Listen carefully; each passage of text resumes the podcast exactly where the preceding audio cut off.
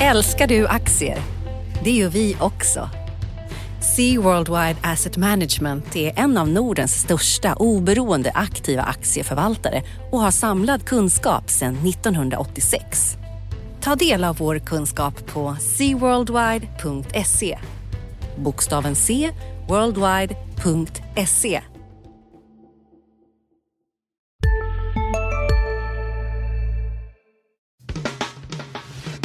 Analyspodden från Dagens Industri. Erika Hallbäck, vad är Lendify? Lendify är en marknadsplats för lån mellan privatpersoner. Vi vill vara en allvarlig utmanare till storbankerna. Vi vänder oss endast till de mest kreditvärdiga låntagarna och vi har tillstånd från Finansinspektionen. Varför ska man låna ut pengar via er istället för att sätta in dem på banken? Hos oss får långivarna avkastningen och inte bara banken. Våra långivare har haft en genomsnittlig årsavkastning på cirka 7% Vi erbjuder ett alternativ till traditionellt ränte och aktiesparande. Vem står bakom Lendify? Några av landets främsta entreprenörer, bland annat Resursbank och Avito-grundarna och delar av Wallenberg och Lundin-familjerna. Tack Erika Hallbäck, investeraransvarig på Lendify. Hej allihopa och välkommen till veckans avsnitt av Dagens Industris analyspodd. Eh, jag heter Ulf Pettersson och mitt emot mig har jag Viktor Munkhammar. God morgon Viktor. God morgon, hej hej. Vad tycker du vi ska prata om idag? Eh, det finns faktiskt ganska mycket som kan vara värt att ta upp. Eh, det har varit eh, lite rörelser. Jag tänkte man kan prata om olja, man kan prata om pund, man kan prata lite ränteskräck kanske och sen så eh, Ericsson va, kanske mer på din ja, sida av bordet. Ja, men Ericsson. Ja, det är lite dubbelt där. Det är både ABB har vi ju skrivit ja, en del om. såklart. Och så Haldex. Och Haldex skriver vi också om. Vi har Ja. aldrig skrivit så mycket om Haldex. Ett börsvärde på 4 miljarder. Vi har ju haft, Världens just nu mest omtalade bromsbolag. just det, Ja. det var en bra rubrik. Vad ska man starta i alltihop där? Det är du som eh, liksom är strukturerad och Ja, men vi kan väl starta med pundet då och med tanke på, det var ju dramatiskt under natten här, en så kallad flash crash. Oj. Vid två tiden ungefär eh, svensk tid när pundet gick från, ja runt eh, 10, 85, 90 mot kronan ner till 10, 35 på ett par minuter. Va, va- det måste ju varit någon, någon, Eh. Ja, någon det- ja, det var- japan eller något som handlade, eller vad var det? Ja, eller kanske mer troligt någon eh, algoritm som ballade ur oss och startade någon kedjereaktion. Eh, Det, det kan ju se ut sådär att de är programmerade att vid vissa nivåer så ska det hända saker och så Just liksom det. fortplantar sig. Eh, Men det var väl, det, det är ju sånt som numera händer, eller det har väl alltid hänt på finansmarknaden. Nu är det datorer som gör det istället för eh, så kallade fat fingers. Eh, Men, men eh, även bortsett från det där pundet hämtade sig sen ganska snabbt, men fortfarande ner en 10-12 öre mot, mot kronan. Eh, Men det har ju varit en stadig utförsresa, egentligen ganska länge i, i ett år. Eh, Och inte minst nu efter eh, helgen när, när Torypartiet inledde sin, sin konferens i Storbritannien och eh, med uttalanden som sammanlagt nog tolkas som att det blir en så kallad hård Brexit, det vill säga att de inte skaffar sig någon typ av tillträde till den gemensamma marknaden. Så att pundet har försvagats eh, successivt och mot dollarn nu är det ju den svagaste nivån på över 30 år. Ja, just det. Och vad, vad, vad, vad, är man orolig för det eller? Det, för det gynnar ju, ja det är klart, det beror ju på lite vilket sida av bordet man sitter då, men det är klart att det blir ju en svag pund och därmed bör väl eh, deras exportindustri Det gynnar den brittiska exportindustrin och det är väl mycket det också som har gjort att Londonbörsen har gått ganska bra. För om man som utlänning eh, köper aktier, de blir ju billigare då när pundet, pundet försvagas. Och det lyfter inflationen, vilket Bank of England kan behöva med. Och gynnar exportindustrin, men britterna som folk blir fattigare. Ja, det blir de. Och eh, eh, man kan väl se växelkursen som ett slags mått på omvärldens oro för vad Brexit ska leda till i längden.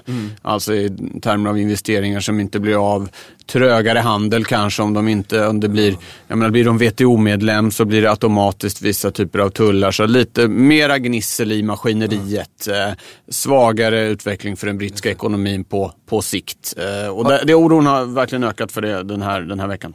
Fast det är väl som en ganska flytande, eh, nu vet vi inte vem som får Nobelpriset på måndag då i ekonomi, men vad är ett rimligt värde på ett pund idag? Är den liksom väldigt, väldigt undervärderad helt plötsligt? Eller? Nej, nej, men det är väl det som är lite svårt. Det är ju väl, allt är ju väldigt osäkert. Vad, vad ska det bli för liksom, handelsarrangemang? Hur ska ja, institutionerna se ut för, för Storbritannien? Och det är kanske en orsak till att det, att det rör sig så. Det är ju det är en väldigt stor osäkerhet kring vad, vad, hur, hur Storbritannien ska förhålla sig till framförallt EU men också till, till övriga världen. Det har ju kommit en del rätt märkliga uttalanden därifrån den här veckan. Någon eh, minister som ville att alla företag skulle registrera och meddela hur många utlänningar som de hade anställda och såna här saker. Som, Eh, liksom, aha, skulle inte ni vara en eh, handla fritt med hela världen eh, så som de så kallade liberal leavers eh, ville ha då. Så det, det är mycket, mycket oklarheter kring, kring Storbritannien. Bra. Eh, och det är klart att med en, med en europeisk banksektor som är lite, lite ska vi säga, eh, lite shaky och stora valutarörelser. Man har ju ingen koll på vad Deutsche Bank har i sina portföljer mer än att de har väldigt mycket av, av väldigt mycket sådär. Så det är klart att skulle det liksom bli väldigt stora rörelser på en så stor marknad som valutamarknaden så vet man inte vad som kan hända. Liksom. Nej, det kan ju hända att det ligger någonting där. Just med Deutsche Bank har det ju lugnat ner sig lite nu. Ja. De har ju sålt av en del saker. Nu pratas det om att de förbereder en ny emission för att kunna betala de här böterna och stärka sin balansräkning. Och det vore väl den absolut bästa lösningen om de kan ta in nya pengar. Sen på vilka villkor det sker är väl en annan sak. Men det är lite lugnare stämning kring, kring Deutsche i alla fall nu. De som brukar rycka in, eh, eller har gjort det ett antal gånger, det är de här Sovereigns Funds, de här Kuwait och, och sånt där.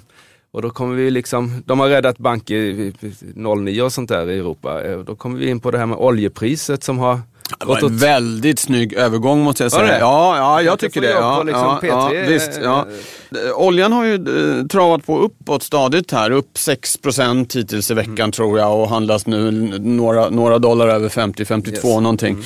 Och där är det ju den här eh, preliminära överenskommelsen från slutet av förra veckan eh, där, där OPEC eh, bestämde sig för första gången på åtta år för att skära ner produktionen. Vi har inte, det finns ju inget formellt beslut än och OPEC har ju en historia av att ja, dels det tag tills det formella beslutet tas och sen när det väl är taget kommer de hålla sig till de här nya kvoterna. M- mycket frågetecken men ändå liksom att OPEC vill gå, försöka gå tillbaka till den roll de hade, hade tidigare som faktiskt är prissättare på eh, världsmarknaden. Eh, ifall det kommer lyckas eller inte, eh, jag tror att de kommer få svårt med det, men det har i alla fall haft en eh, effekt. Man ska säga också att lite har det fått stöd av, av lagerstatistik från USA och såna här mer normala saker. Som, som har, men, men oljepriset, eh, eh, ja, lite över 50 nu och plus eh, 6 procent i veckan, så det är en liten förändring. Ja. Och det är ju och det är en, ja, det är en förändring. Men det är klart, det är långt kvar till de där 120 som man såg för två år Det sedan. tror jag ingen drömmer om. Eh, Jag nu har jag tappat namnet, men någon eh, oljeminister i något av de här länderna sa att ja, men vi kanske, vi, målet är att kunna hålla det kring 50-55 Ja. från OPEC. och det det, är- är... ju i alla fall det är ju dubbelt så mycket mot vad det var i januari när det eh, tokrasade. Så det är ju en, Och det, det som har hänt sedan 120, eh, det är ju att dels är oljepriset som allting annat som handlas på marknaden eh, varierar ju pris och kanske ibland väldigt, väldigt mycket. Men så har ju då USA kommit in som en producent här. Ja, det är ju skiff, skifferoljan just det, framför som, har gjort att det inte är 120 längre utan 50 kan man säga. Ja, det, det skulle man kunna hävda. Det har vi ju haft uppe här förut, det här så kallade skifferintervallet som en del pratar om då. Att, eh, och, och som nu och tanken bakom det är att vi priser under den lägre delen av intervallet så, så slås massa skifferproducenter ut. Vid priser över så lönar det sig att pumpa på. Och skillnaden med de med skifferolja och vanlig är att man mer eller mindre kan slå av och på produktionen över natten. Så det är väldigt, reagerar väldigt snabbt på, på prisförändringar. Och det här intervallet då eh, bedöms av de som kan det ligga mellan 40 och 60 dollar för tillfället. Men det sjunker hela tiden för de tekniska framstegen gör ju att det blir billigare att ta upp. Ja, det är det. Det är spännande. Jag har varit i Storbritannien och oljan hittar man lite överallt. Eh, Ja. Ska vi gå till Europa Ska eller? vi, Ska vi...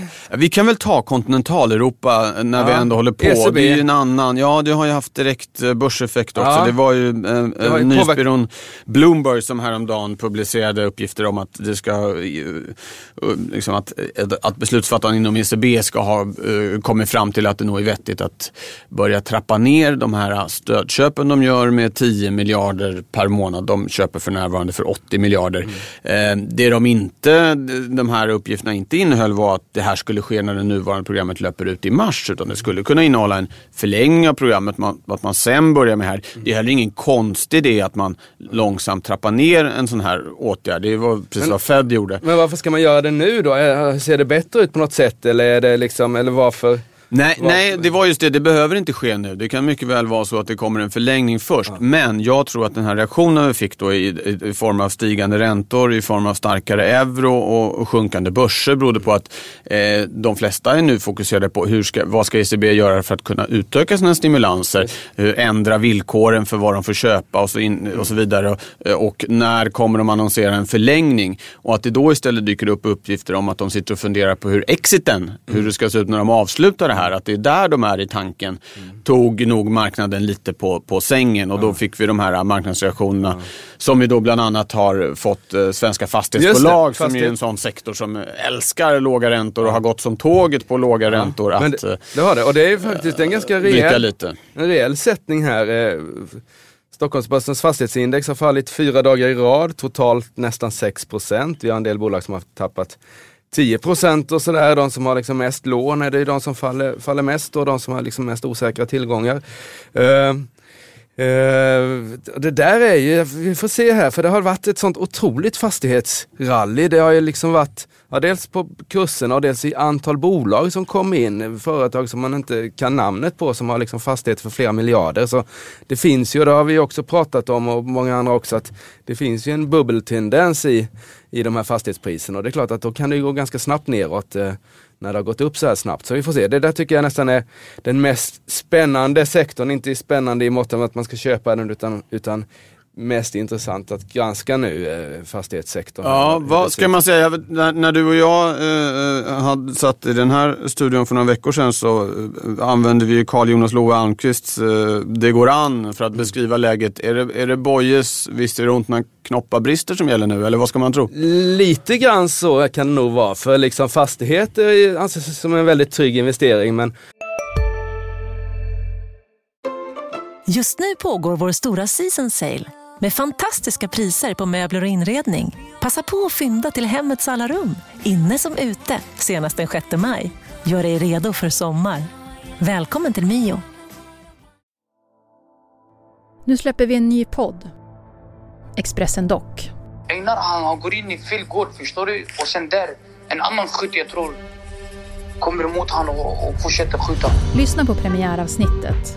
Mordet på Einar, det sista vittnet med mig, krimreporter Nina Svanberg. Hon började skrika på mig. Backa hon började säga. Vad, vad hände? Så hon bara, han är död. Så jag vad säger du för något? Så hon började skrika, han är död. Så jag sköt honom nu 21 meter. Lyssna i appen eller där poddar finns.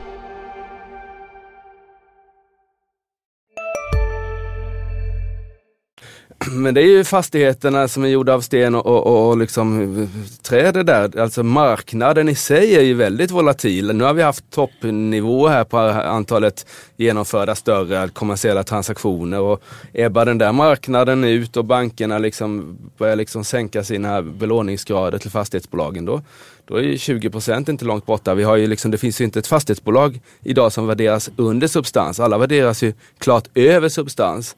Vilket är liksom en anomali i sig och att komma tillbaks till att de värderas som, om, som, som liksom till substans igen känns ju väldigt naturligt. Så jag, jag tror att eh, hade jag haft några fastigheter i fastighetsaktier i min portfölj så hade jag nog eh, lättat här lite grann. Ja. Okay. Så det ska man hålla ögon på här framöver? Ja, och det... Det, kan, det kan brista lite grann, det tror ja, jag. Mm. Ja, okay. Absolut.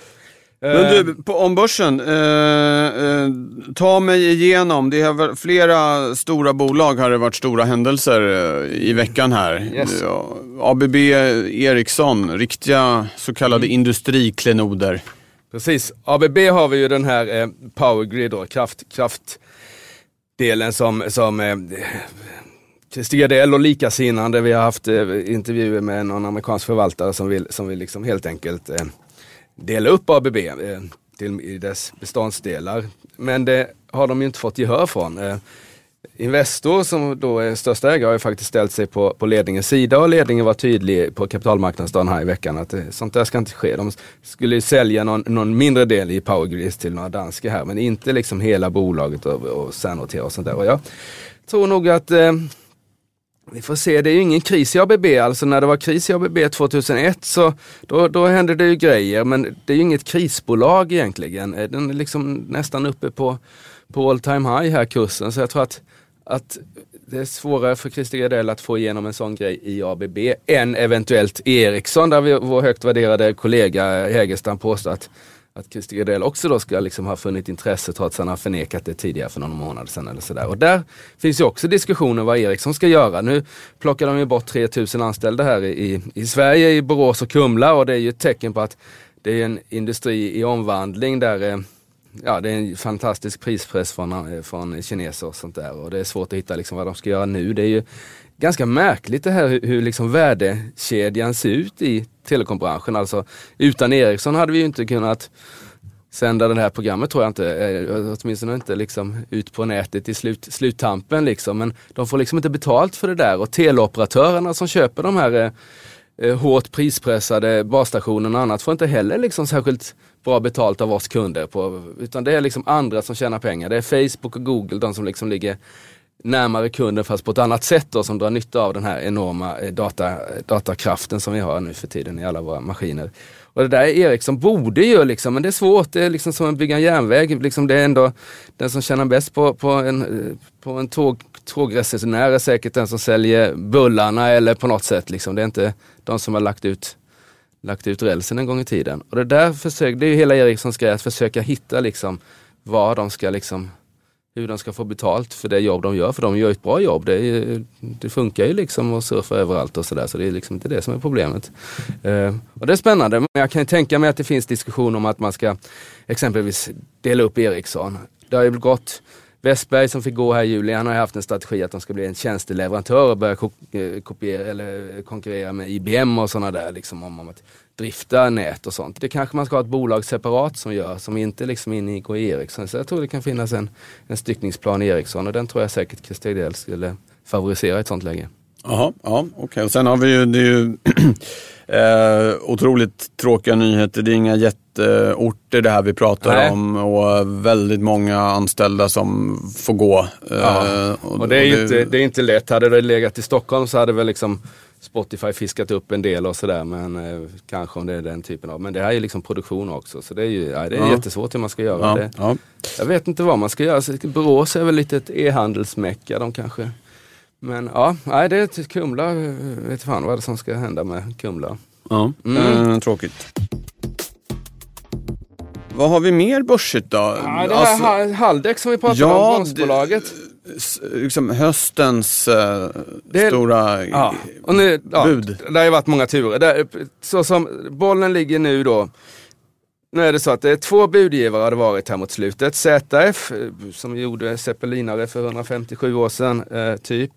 Eh, omsätter 300 miljarder, ett megaföretag. Vi har nog inget bolag i Sverige som omsätter så mycket. Eh, eh, har lagt 120 spänn fick bara in 9% av aktierna och drog tillbaka sitt bud. Och nu finns det det här Knorr Bremses bud som omsätter 60 miljarder i Tyskland. Det har växt väldigt starkt de sista 20 åren.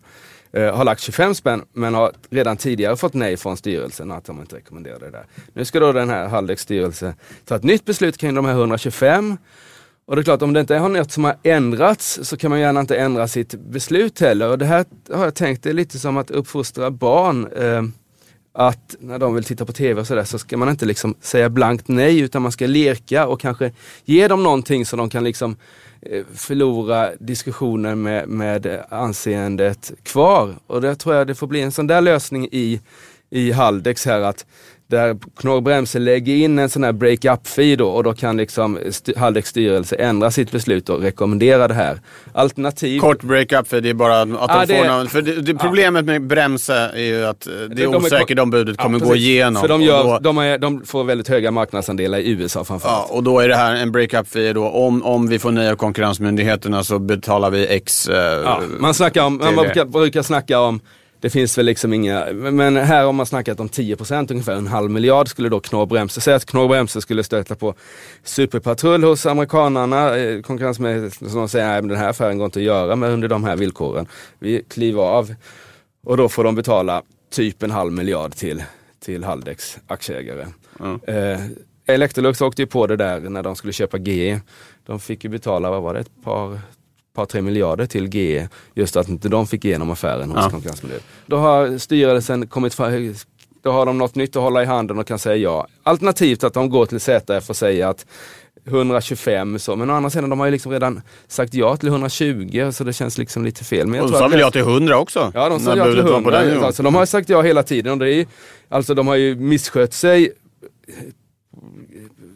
flagrant tycker jag. Alltså att, att säga ja på 100 spänn och nu är det liksom, finns det ett bud på 125. Det, det är ligger- de har ju inte verkat i aktieägarnas intresse när det helt plötsligt, det är ju ändå en miljard som är skillnad mellan 100 och 125 här som, som aktieägarna hade gått miste om om, om liksom inte Knorr Bremse oinbjudna ändå hade tagit sig in i, liksom, i, i det här budfrieriet.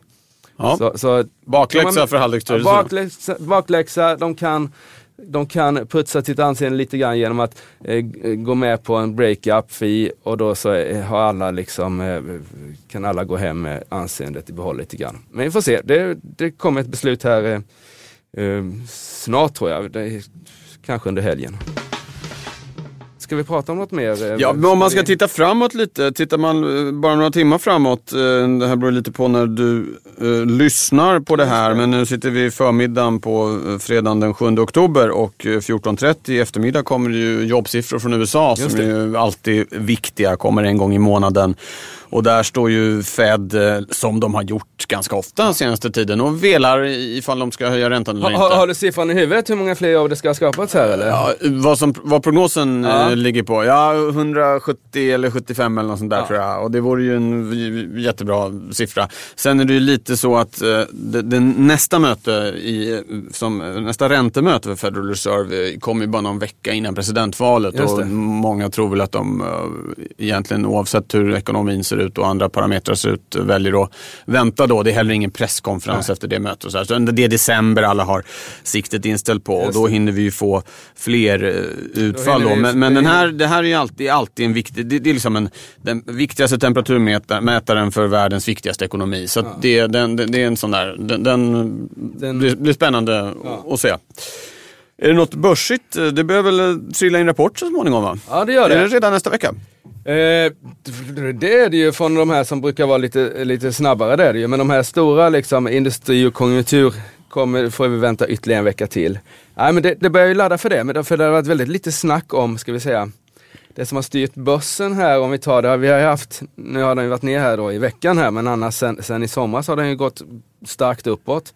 Det har ju varit mycket liksom att Brexit eh, inte blev så farligt tyckte man först som drev upp det här och liksom räntorna var låga och, och liksom vi var över Brexit och sen så har man liksom inte riktigt, sen kanske lite Hillary Clinton även om det inte har varit mycket effekt från USA än på börserna då att hon kanske ser ut att, att vinna lite mer betryggande än vad det var bara för några veckor sedan egentligen. Eh, eh, Men, eh, men nu får vi se här, nu kommer rapporterna. Eh, Eh, Eh, Q2 var ganska bra. Vi får lite nya bolag till börsen också. Ahlsell var ute och sa att om det Just det, blir ska noteras. sa de igår. 25-30 miljarder. Så det händer saker. Men eh, den stora grejen tycker jag, nu får vi se vad räntorna, vad räntorna tar vägen här. Det har påverkat fastighetsaktierna. Eh, det kommer påverka alla andra ak- aktier också. Liksom. Eh, eh, så det jag tycker att det jag kommer hålla koll på nästa vecka det är ju eh, ränteutvecklingen. Som alla veckor. Ja, men nu har den ju börjat liksom stiga. Liksom. Det är ju en, Ja, det är en trend, ja. ett trendbrott lite grann. Ja. Det var ju länge sedan vi liksom... Ja, vi hade i och för sig en liknande uppgång för några veckor sedan och så gick det tillbaka Ja, ja, igen när ja. det blev deppigt. Men det ligger ju och slår där och någon gång eh, Någon gång ska de, bryter Ja, det. Mm. det är väl många som har förlorat pengar på att tro det i och för sig. Ja. Men eh, ja, Eh, absolut. Bra. Och vad ska du kolla på då? Ja, nej men... Fotbolls-VM Luxemburg eller? Men det kanske... Ja. Fotbolls-VM, ja du menar Eller kval, ja, eh, EM. kval. Ja, ja precis. Ja, jag ska, jag, ska, kolla- jag ska kolla på fotboll nästa vecka. Vi säger så. ja, det gör vi. Ja. Bra Viktor. Eh, kul att ha dig här och kul att ni lyssnade alla där ute. Eh, vi hörs nästa fredag igen. Tack! Analyspodden från Dagens Industri. Podden redigerades av Umami Produktion. Ansvarig utgivare Lotta Edling.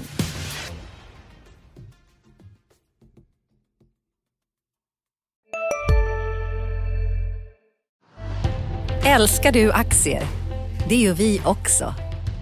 Sea Worldwide Asset Management är en av Nordens största oberoende aktiva aktieförvaltare och har samlad kunskap sedan 1986. Ta del av vår kunskap på seaworldwide.se. bokstaven C, worldwide.se.